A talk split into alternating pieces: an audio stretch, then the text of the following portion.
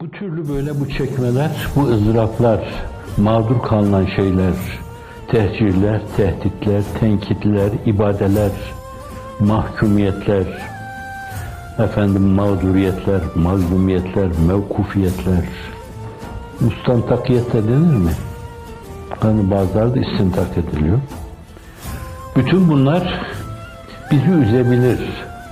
Onları da o mülahazaya bağlamamız lazım. İhtimal ki biz yürüdüğümüz bu yolda yolun adabına tam uyamadık.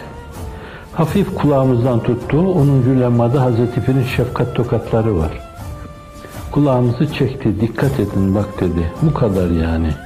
Onca eltaf-ı ilahiye karşısında o hukuka riayet etmek, o mevzuda istikameti korumak, dimdik durmak, sarsılmadan meseleyi götürmek böyle bazen göz kapama, onları görmezlikten gelme gibi şeyler karşısında hafif bir kulak çekme manasında.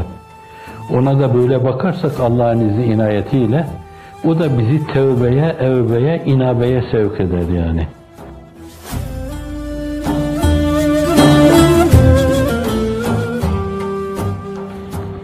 Ama o gayretullah'a dokunduğu zaman da onlar çerçöp gibi savrulup gidecekler. Hiç tereddünüz olmasın. Takvim vermek, zaman belirlemek bu mevzuda karanlığa taş atmak. Kur'an-ı Kerim Kehf suresinde recmen bil gayb diyor. Karanlığa taş atmak.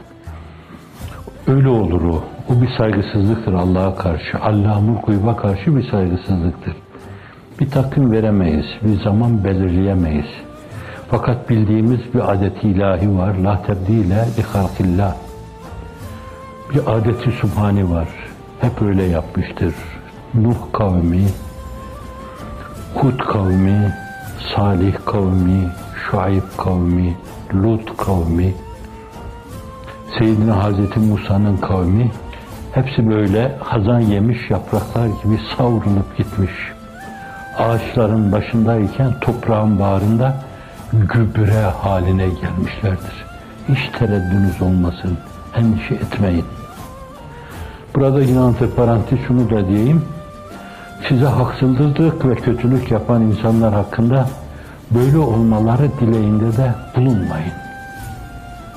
Allahümme in kunte turidu hidayetehum ve telyine kulubihim ve sevkahum ila muhabbeti hidmetina ve harekatina ve cemaatina ve müessesatina vel hadimine fiha فاهديهم في أقرب أقرب أقرب أقرب زمان بحق ذاتك وبحق صفاتك وبحق وحرمة اسمك الأعظم وبحرمة اسمك الذي إذا دعيت به أجبت وبحرمة وشفاعة سيدنا محمد المصطفى. وإلا فعليك بهم. وإلا فعليك بهم. وإلا فعليك بهم.